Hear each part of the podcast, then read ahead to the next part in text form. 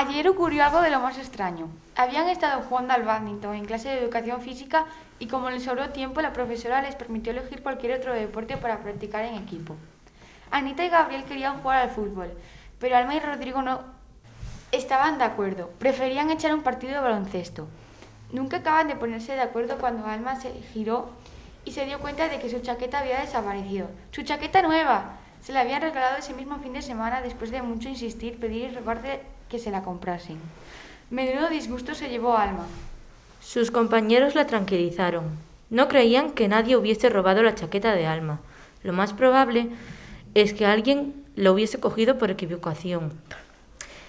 El problema era saber quién. Esa mañana habían pasado mucha gente por el pabellón, concretamente las clases de primero A y segundo C. ¿Qué podían hacer?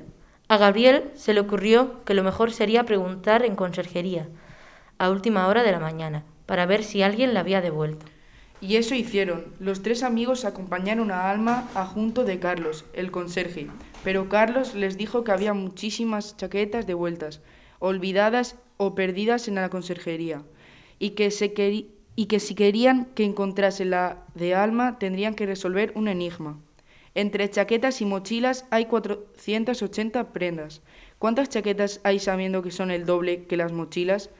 Los cuatro amigos se quedaron estupefactos y no supieron cómo reaccionar. ¿Serías capaz de saber cuántas chaquetas hay?